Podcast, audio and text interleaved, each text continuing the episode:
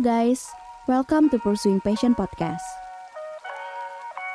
Pursuing Passion Podcast merupakan konten kolaborasi antara satu persen dengan Purwadika, salah satu pionir lembaga pendidikan Indonesia yang berfokus di bidang teknologi digital. Kami ingin kamu untuk bisa mendapatkan insight baru dan termotivasi agar tidak menyerah dalam mengejar passion yang kamu miliki.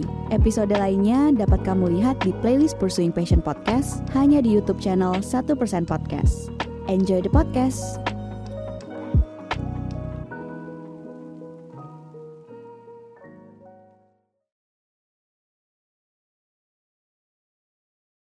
Halo semuanya, teman-teman. Selamat datang di Pursuing Passion Podcast Season 2 ya.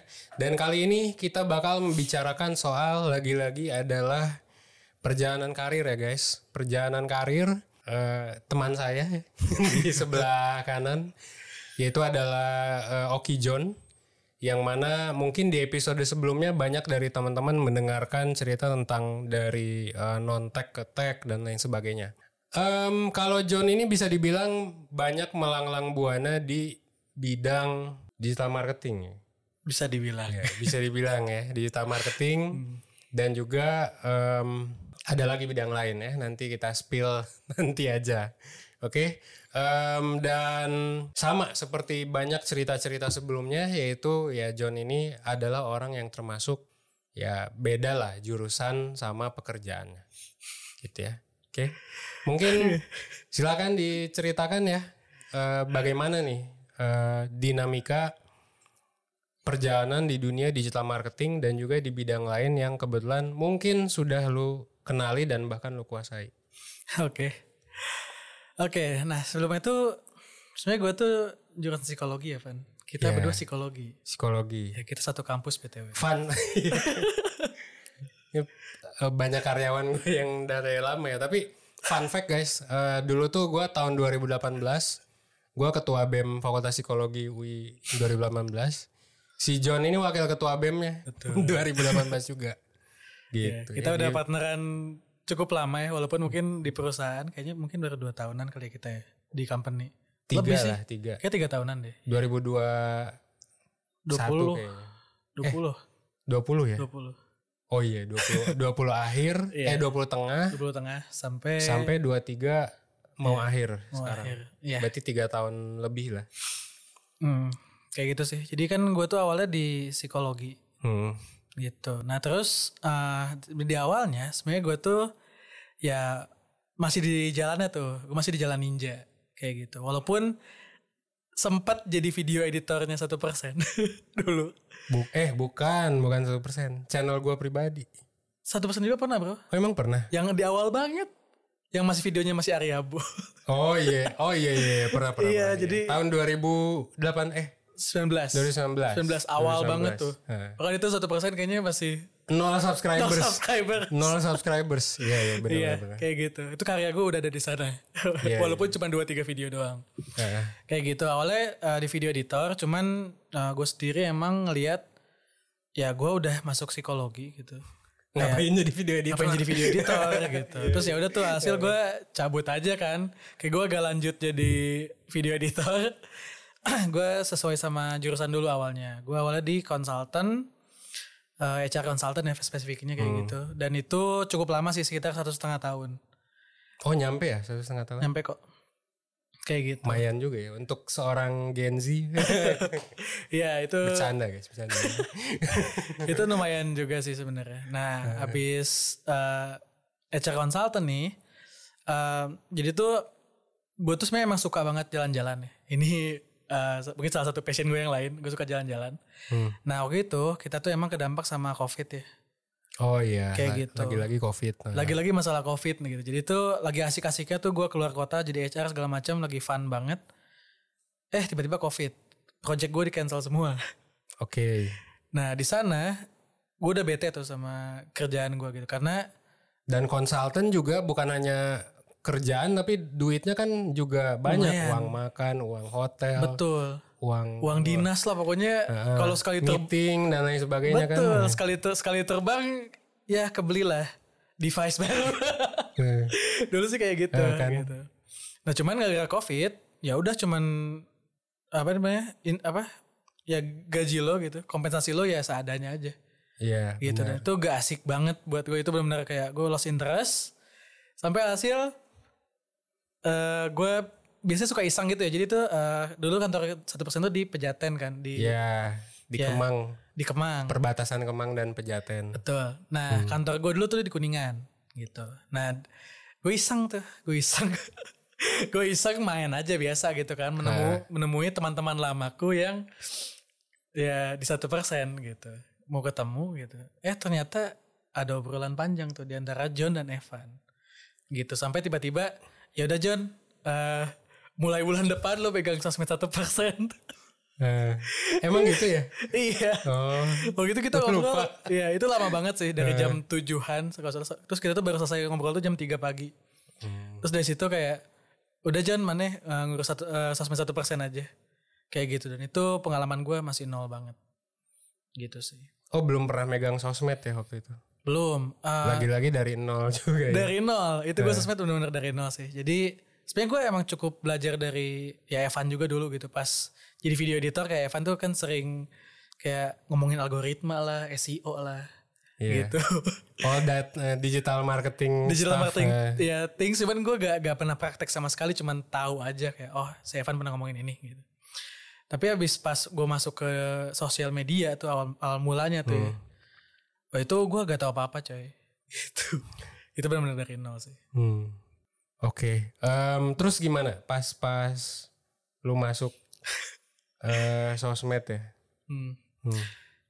pas masuk ke sosmed Apa apa yang lu temukan gitu di persosmedan? oke awalnya gue beneran bingung banget sih Van gitu. Oh, dan itu for konteks itu 2020 ya? 2020 2020 tuh eh zaman Covid ya? Eh, iya masih Covid. masih covid Masih Covid dan orang-orang eh, semua pada nonton sosmed kan, Betul. semua orang. Dan waktu itu kayak terjadi booming lah di konten tuh kan banyak-banyak ya pokoknya istilah-istilah Gen Z Gen Z itu mulai dikenal kayaknya tahun 2019 2020. hmm. Healing, healing eh, 2021 kan Strawberry Generation dan lain sebagainya gitu. hmm. Nah itu itu gimana tuh Eh, dengan lingkungan seperti itu tambah lu baru masuk sosmed Ap- apa yang eh, lu rasakan? Oke. Yang gue rasakan, nih gue ceritain benar-benar dari awal ya. Gue tuh gak tahu apa-apa tentang sosmed. Jadi apa ya? eh kayak ya udah gitu. Gue di hire dan hire tuh untuk di level manager bisa dibilang Iya. waktu itu. Ka- karena gue tahu kan manajerial lu oh, lumayan lah Ya oke lah. konsultan wakil ketua bem hmm. ya udah lah ya kan. Oke. Tapi secara sosmed memang trial tuh kan pro- pada probation gak sih waktu itu? Ya waktu itu probation. Heeh. terus kayak terus. gitu terus eh, ya udah sih dari sana eh ya gue ya apa sih ya gue bilang ke lu juga kan kayak Van siapin aja tapi kayak mungkin seminggu dua minggu pertama bakal kacau dulu sih Nah, kayak gue tuh selalu bilang gitu setiap gue dikasih job desk kan biasanya terus ya udah tuh eh, eh, di awalnya gue jalanin gue ngatur dulu eh, staff-staff gue dulu ya waktu itu Hmm. kayak gitu sambil ya udah gue belajar tuh sosmed gitu walaupun itu gue belajarnya eh ya otodidak plus ya nanya-nanya ke Evan sih ya. kayak gitu kan kayak ya udah tuh gue nanya-nanya ke Evan gimana sih gitu sampai alhasil satu kalimat yang masih gue ingat sampai sekarang Apa? dari Evan yang mungkin Evan juga lupa Apaan cuy? Eh, ya udah sosmed tuh cuman eh, dua hal katanya. Datengin user Prin- baru. Prinsipal ya, prin- Iya. prinsipal mulu dari dulu. betul. Datengin ke user baru pertahanin user lama. Terus eh, itu kalimat pertama. Nah kalimat yang kedua ini yang gue dapat insight sendiri. Ya sebenarnya tuh marketing gitu ya. Kita kan di sosmed marketing. Hmm. ya sama-sama ya itu manusia juga gitu. Iya. justru kita sebagai psikologi kita malah tahu duluan gitu apa sih bikin manusia tuh pengen beli Hmm. apa yang pengen bikin manusia tuh pengen tertarik untuk ngelakuin sesuatu gitu Hmm. terus kayak oh iya juga ya gitu dari dari situ baru tuh eh, otak gue tuh mesin langsung ceng gitu langsung berjalan gitu ya mesinnya tuh Iya.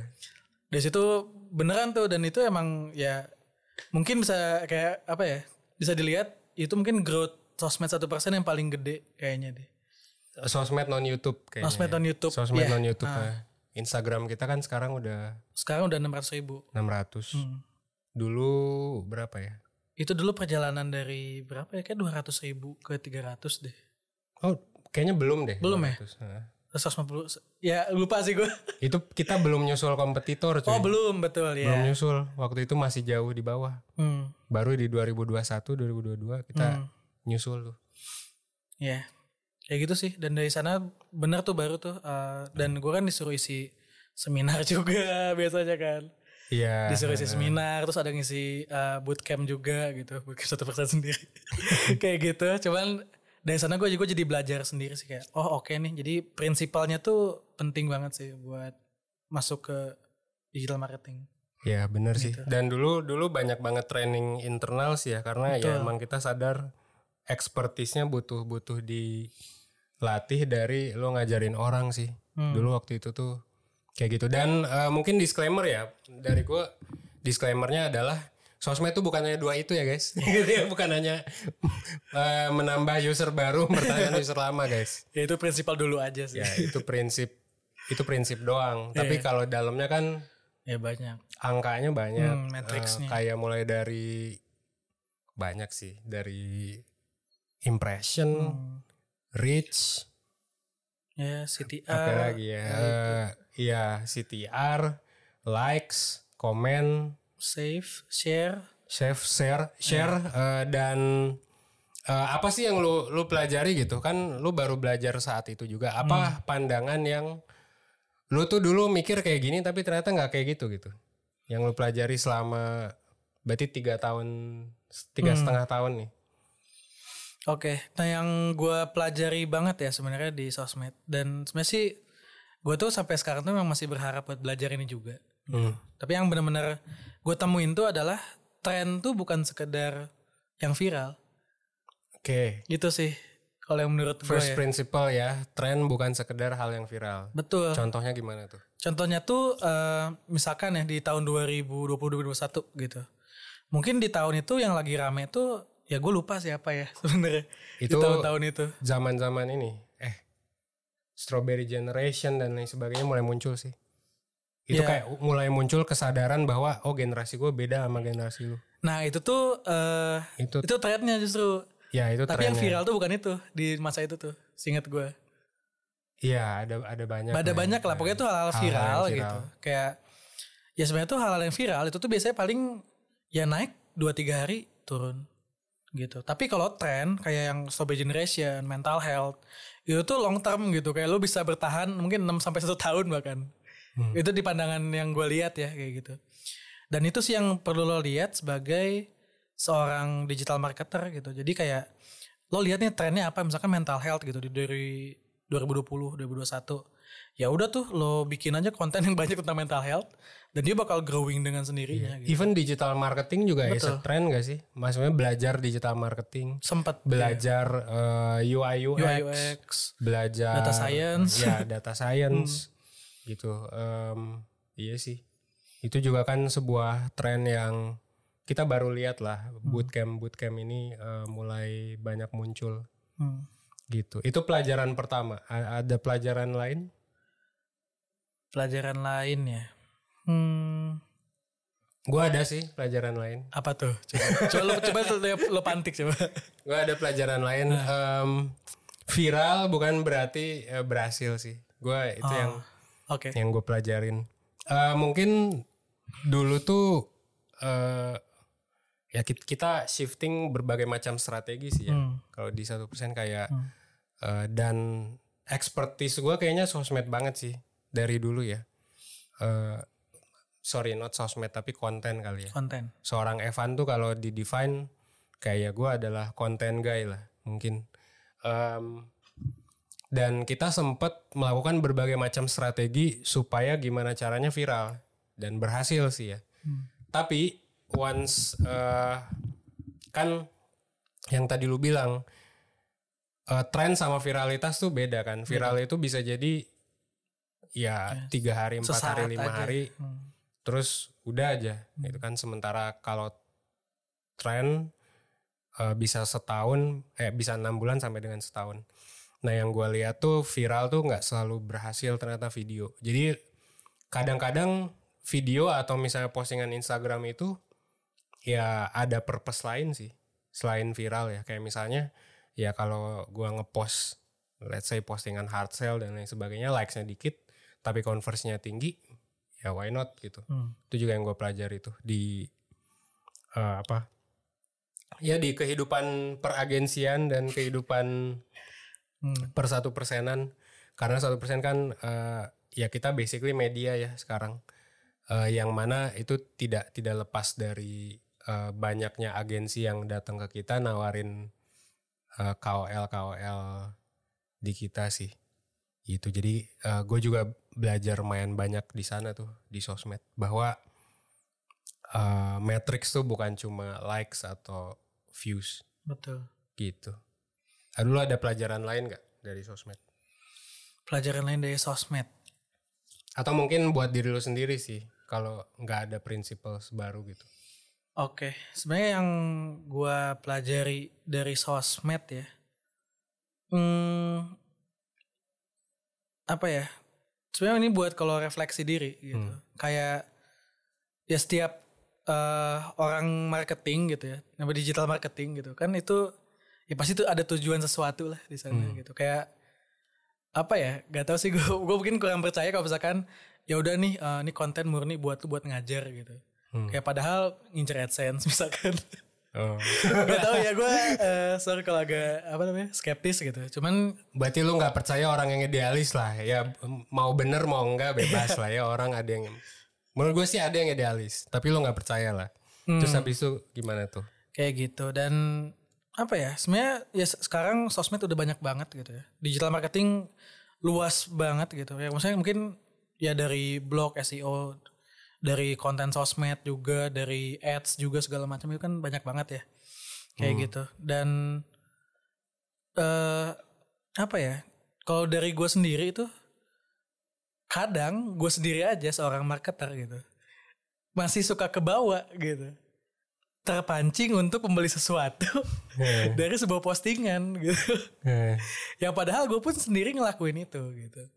Kayak gitu sih. Kayak dan gue mikir kayak apalagi yang nggak tahu gitu hmm. kayak misalkan mungkin gue udah bisa nge-sense nih wah ini mau CTA nih Oh, ketahuan nih gitu Iya. misalnya langsung gue swipe atau gue geser gitu yeah.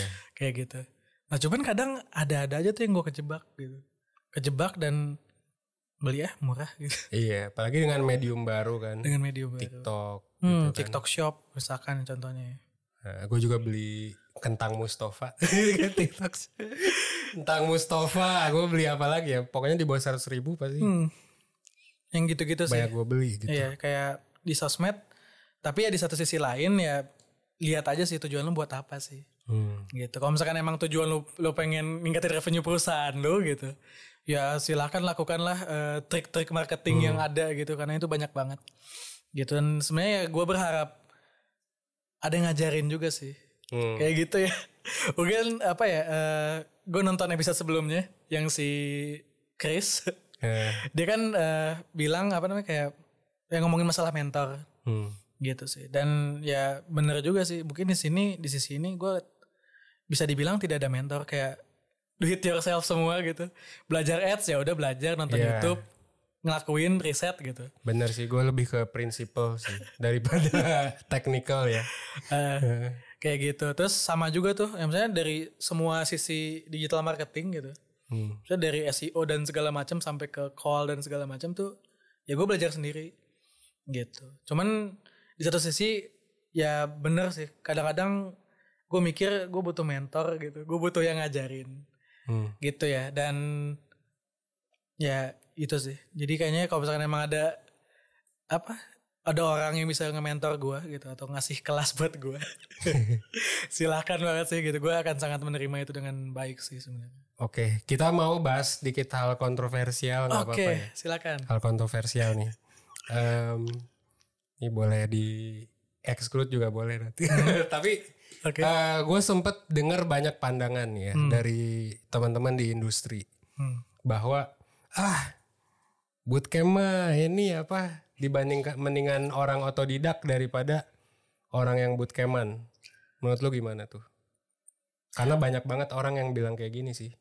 nggak banget sih ya ya Hmm, banyak kan. banyak ada beberapa lah ada yang bilang kayak gitu Ya pokoknya dia mah banyak yang skeptis juga sama banyak yang skeptis gitu ya. sama eh, per bootcamp bootcampan Hmm. lu gimana tuh Oke, kalau di mata gua ya being objek objektif aja sih. Kenapa? Karena itu tergantung bootcampnya Hmm. gitu. Nah, kalau misalkan dari pengalaman gua, gua tidak pernah ikut bootcamp apa pun. Hmm. Jadi mungkin gak ada komparasi ya gitu. Kayak atau lu ngelihat orang dari bootcamp aja juga bisa sih Kayak gitu sih. Dan ya kalau misalkan untuk pengalaman gue pribadi, gue gak ada komparasi. Cuman kalau dari teman-teman gue, apa ya mungkin mereka apa ya dari segi waktu dan eh, tugas-tugasnya gitu. Kalau gue denger kayak, oke tugasnya lumayan nih gitu, lumayan meres otak Hmm. gitu. Cuman ya menurut gue is oke sih kalau itu bisa buat ngembangin diri lu sih. Hmm. Gitu. Dan balik lagi ke pertanyaan awal. Balik ke pertanyaan awal menurut lu gimana pendapat lu tentang eh, bootcamp versus otodidak tergantung Hmm. ya tergantung penyedianya sih maksudnya tuh ya dia ngikut apaan gitu Hmm. dia perbandingannya dari mana oke gitu kalau gue sih ngeliat dari sana ya kalau misalkan ya udah kalau misalkan ada yang trusted ya kenapa enggak gitu Oke sih. Kalau gue pribadi gitu ya, gue ngelihat hmm, jujur kalau dari segi em, digital marketing ya, gue sih lebih percaya bahwa eh oh ya ini juga satu insight yang gue pelajari selama ini. Sebenarnya ilmu tuh eh, banyak yang simple sih. Ketika lu udah menjalaninya selama 8, 9, 10 tahun gitu. Karena gue kan udah dari tahun 2015. Eh, ya bahkan 2014, 2013 lah. Hmm. eh, tahu istilah SEO dan lain sebagainya. Gitu dan gue jujur adalah termasuk orang yang eh, otodidak juga. Hmm. Tapi eh, at the end ya gue juga tetap ngerasa bahwa eh, meskipun tadi gue bilang ilmu tuh simple, Hmm. tapi kita tuh kadang perlu diajarin satu prinsipal yang eh, dari expertnya, terus kayak kita sambungin tuh ke eh, praktek kita. Jadi ibaratnya kayak kayak yang yang gue sebutin tadi yang prinsipal sosmed itu sebenarnya cuma dua cuy gitu. Yang waktu itu gue bilang eh, entah karena konteks apa ya, tapi kalau nggak salah biasanya kan kalau gue udah bilang prinsip kayak gitu, lu lagi overthinking atau Betul. lagi apa gitu. Biasanya kayak bro udah simple aja. Satu ini dua ini kan gitu. Em, nah menurut gue itu perlu banget sih. Hmm. gitu karena kalau misalnya gue lihat ke diri sendiri kalau gue nggak belajar yang eh, teori-teori gitu gue nggak ikut webinar gue nggak ngobrol sama eh, apa mentor expert dan lain sebagainya gue gue jadinya menemukan itu bertahun-tahun selanjutnya. Kayak oh iya ya ternyata berarti kan speed up gitu ya. Iya sih? Atau enggak em, secara secara pemikiran ya secara pemikiran. Oke. Secara pemikiran iya sih. Hmm. karena ya orang bisa aja viral tapi kalau gua ngelihat sebagai sebagai dalam tanda kutip youtuber Hmm. kan banyak juga ya youtuber yang di bawah tiga tahun udah cabut gitu. Gitu kan. Kalau kalau kita kan mungkin udah udah 2019 sampai empat tahun ya semoga nggak cabut lah ya. hampir lima tahun Hmm. Em, menurut gue sih eh, kayaknya ada beberapa orang juga yang lack of eh, theoretical mindset gitu sih. gimana tuh maksudnya Eh, maksudnya gini, kebetulan bisa eh, di tahun ini booming, Hmm. eh tahun selanjutnya kagak bisa. Hmm. Oke, berarti dia gak bisa baca tren kali ya. Bener gak? Iya, bisa bisa dibilang kayak gitu. Hmm. Nggak bisa baca tren atau mungkin ternyata konten yang viralnya tuh hoki aja. Hmm. Karena kita bisa lihat lah, eh, maksudnya di kalangan YouTube tuh mungkin banyak orang-orang yang nggak notice gitu ya. Eh, tapi di podcast ini gue bikin temen-temen notice. Kalian ba- coba lihat deh youtuber-youtuber lama yang kalian kenal, berapa banyak yang masih aktif, sama yang kedua kalau ada yang masih aktif dengan formula yang sama, coba lihat deh viewersnya, gitu. Ada bahkan ada yang gue tahu subscribersnya tuh 1 sampai 2 juta tapi viewersnya ya bahkan di bawah 10 ribu gitu. Oke. gitu sih. Jadi eh, buat gua kayak theoretical knowledge tuh penting banget. Bahkan kadang-kadang harus beneran kita punya catatan sih untuk di dunia digital marketing tuh. Misalnya kita udah punya hunch gitu oh tahun depan resesi misalnya gitu ya. Tahun depan resesi tahun depan inflasi atau apa kita harus udah punya plan sih. Atau tahun depan ah kayaknya ngomongin Gen Z nggak bakal serame itu deh atau ngomongin kayak uh, digital marketing or something nggak akan serame itu. Kita mesti punya hunch dan mesti nyatet dari awal sih. Nah itu menurut gua nyatetnya itu lu butuh pemikiran teoritis bukan cuma praktis. Buat gue sih gitu ya itu lo ada tangga, tang, tambahan lain nggak Dari gue itu benar sih yang catatan ya. Hmm. Karena emang ya gue mungkin praktisi dalam berarti udah tiga tahun ya. Jadi digital tapi marketer. bukan teoritikal ya jatuhnya atau lu termasuk yang teoritis juga Eh, enggak, gue teknis banget sih. Bisa Hmm. dibilang kayaknya. Di masa itu ya ya udah gue bisa gitu. hmm. gitu. Gue bisa. Nah, tapi emang secara kayak mikir apa ya? Mungkin ini masalah tren aja. Bisa dibilang ya gue baru sadar sekarang sih. Hmm. Kayak 2023 lah bisa dibilang. Hmm. Jadi dua tahun ke belakang gue tidak memikirkan tren sama sekali gitu. Gak mikirin, oke tahun depan ramenya apa, tahun ini ramenya apa gitu. Kayak kita gak, gue gak mikirin sana. Gue kayak, oke eh, tugas lo apa? Kayak misalkan gue jadi sosmed spesialis, gue juga pernah gitu. Ya tugas lo di sini eh, bikin revenue, lo bikin postingan yang bisa ngejual. Udah oke titik gitu. Kayak ya udah, gue bikin postingan dengan berbagai macam eh, Oh, jenis dan CTA. Ya udah gue jalanin aja. Gue paham sih. Gitu. Jadi dengan lu belajar eh, teori juga sebenarnya lu jadi bisa berpikir lebih luas sih. Sebenarnya itu salah satu yang eh, mungkin bisa diterapin. Apalagi kalau mau naik jabatan, Hmm. kayaknya penting sih. Hmm. Kayak lu nggak bisa pakai eh, pemikiran lu di sosmed spesialis, tapi lu jadi head of digital marketing karena eh, it's different sih Hmm.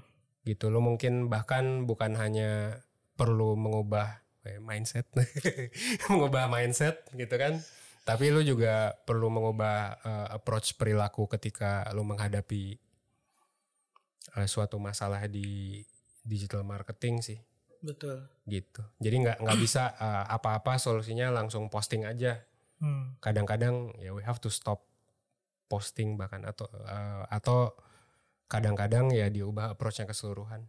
Which kita udah sa- kalau satu persen sih udah udah ber- berulang kali ya. Mungkin kalau teman-teman yang nonton dari tahun 2019 eh, dulu kan kita eh, doodle bukan bukan doodle sih Ya, ya Animasi coret-coretan tangan style, gitu. coret-coretan style, pakai video scribe, terus habis itu kita move ke Hmm. Video quantity, bener-bener Oh, yes. quantity video sehari bisa dua kali bahkan sekali. Itu gila sih tahun 2020, tapi itu yang bikin kita punya growth spurt Hmm. karena kita eh, one of the first mental health eh, content producer kan. Hmm.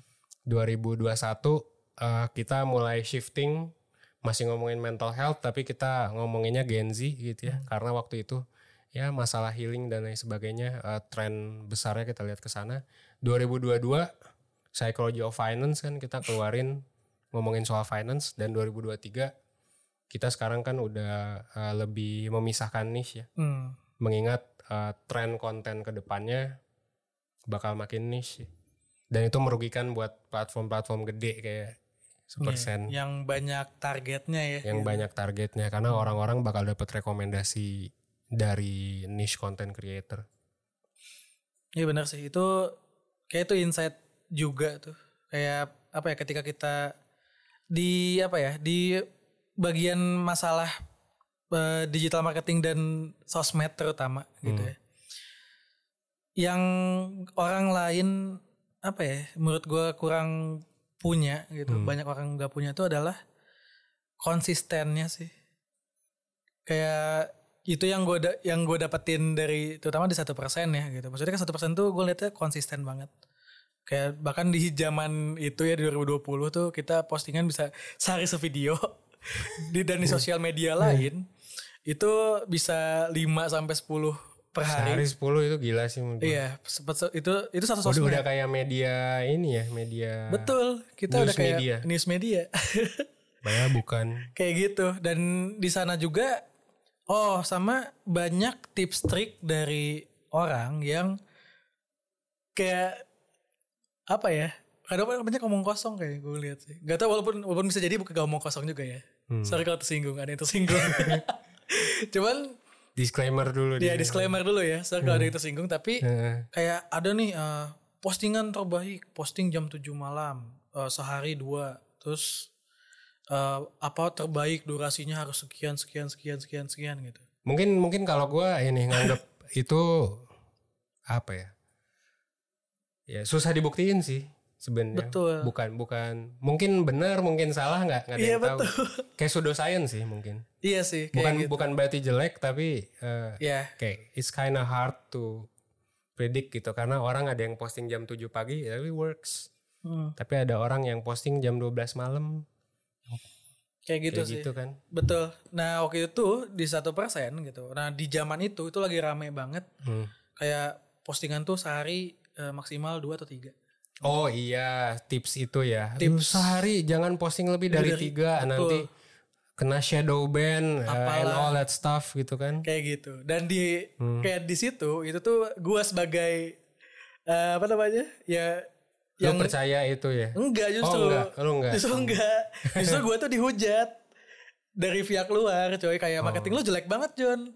Iya. gitu lo ngapain nge-spam post gini-gini ganggu gak guna gua blok lah satu persen apa segala macem dari luar tuh gitu terus kayak ya udah blok aja gitu sebenarnya gue mikirnya gitu ya karena ya mungkin ngeblok beberapa orang gitu tapi dari growthnya gitu itu berasa banget coy gitu bahkan apa ya dulu tuh yang masih gue inget tuh kayak setiap town hall tuh yang dipuji tuh tim sosmed.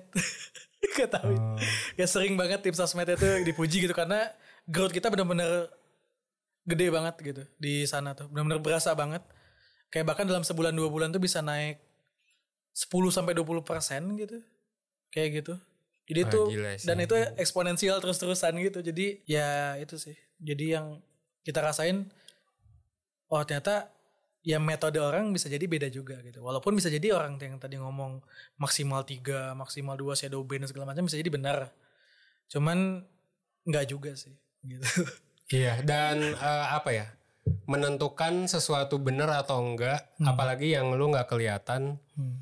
itu sebenarnya kan butuh teori, butuh intuisi yang benar dan kadang-kadang butuh ngobrol juga sih sama expert ya, apalagi Hmm. expert terkini yang emang dia emang gawainya di sana gitu. betul Karena banyak kan orang yang eh, bukan orang sih, company yang ya menemukan breakthrough aja gitu.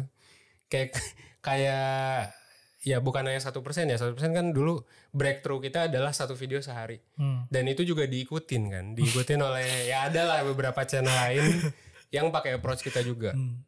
gitu bahkan eh, ada beberapa yang pakai nama kita juga kan Hmm. gitu Em, iya menurut gue itu pentingnya kayaknya pentingnya lu explore belajar termasuk experience dan bikin bikin teori baru sih bikin teori baru. gitu dan itu sering kali terjadi di ini kali ya di me- bukan di meja makan tapi di di tempat yang lu berkumpul dengan orang-orang yang antusias yang sama Hmm.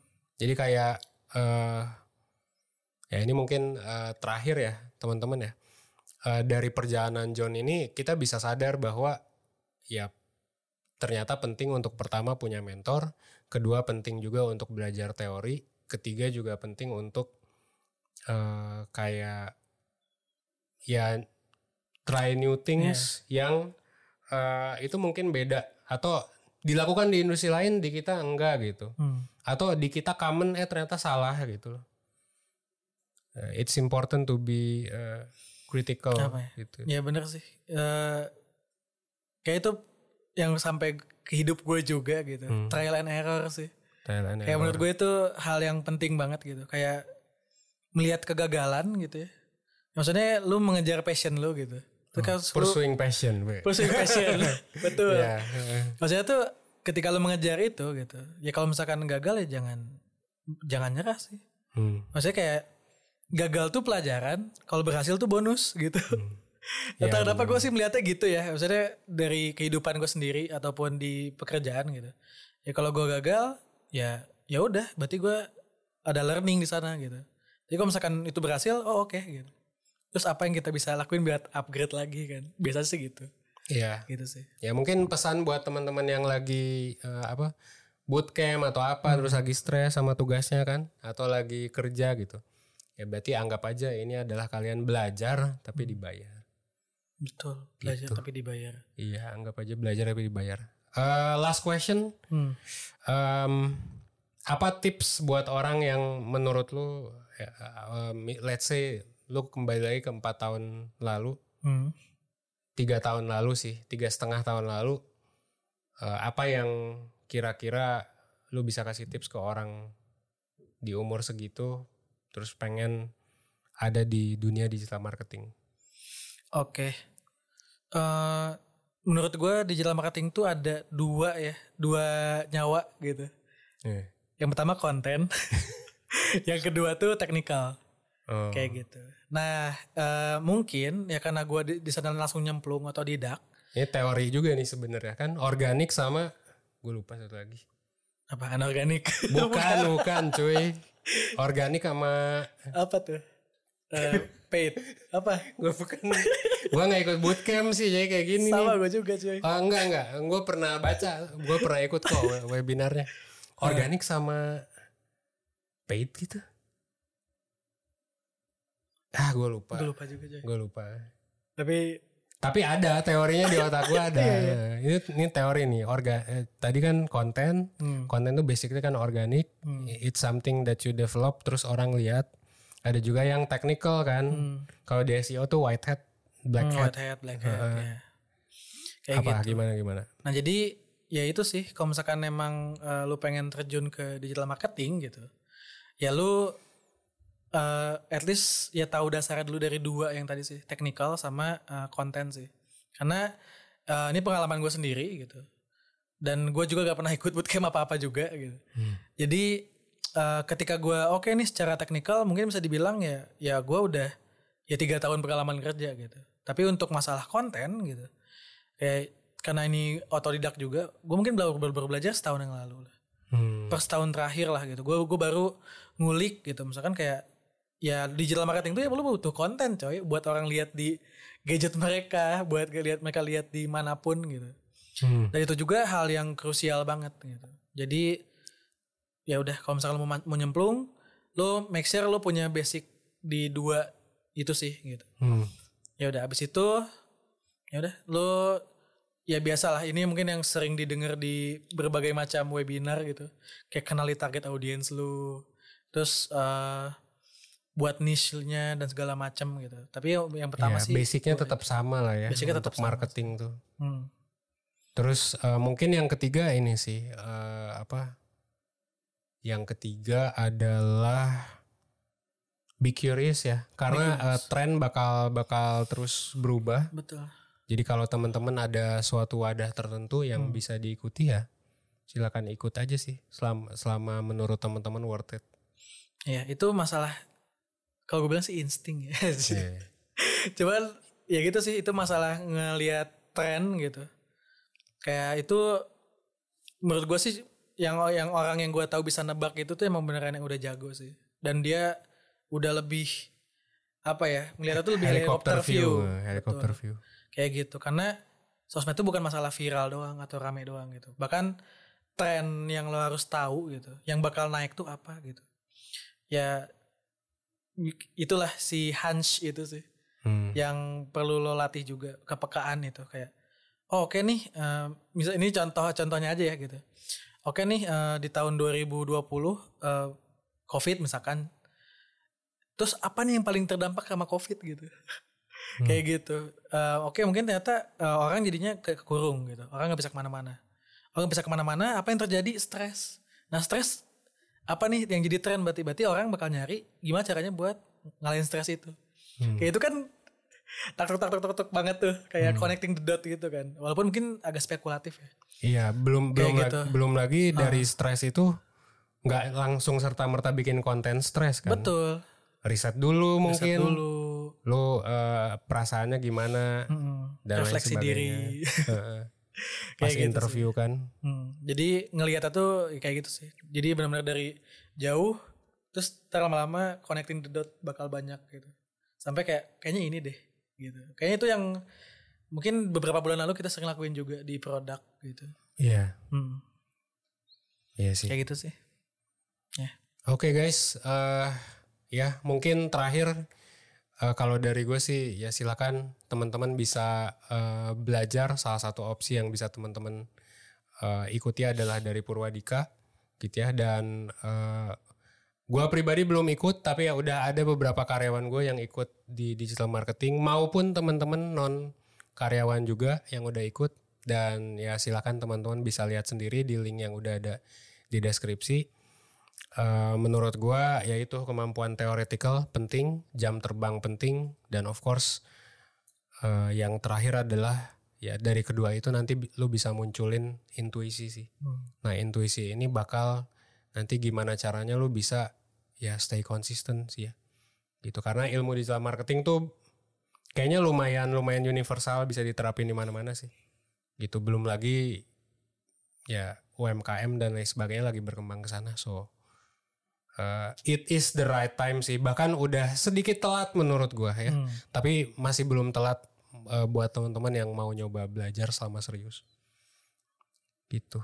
Bener sih. Ya apalagi nanti muncul AI marketing dan lain sebagainya. Wah, itu juga tuh. Project yang kita sedang lakukan juga sebenarnya tapi ya, ya silakan teman-teman ya. Em, ya mungkin sekian dari uh, podcast kali ini. Gue Evan dari satu persen dan gua John dari satu persen juga. Ya uh, thanks guys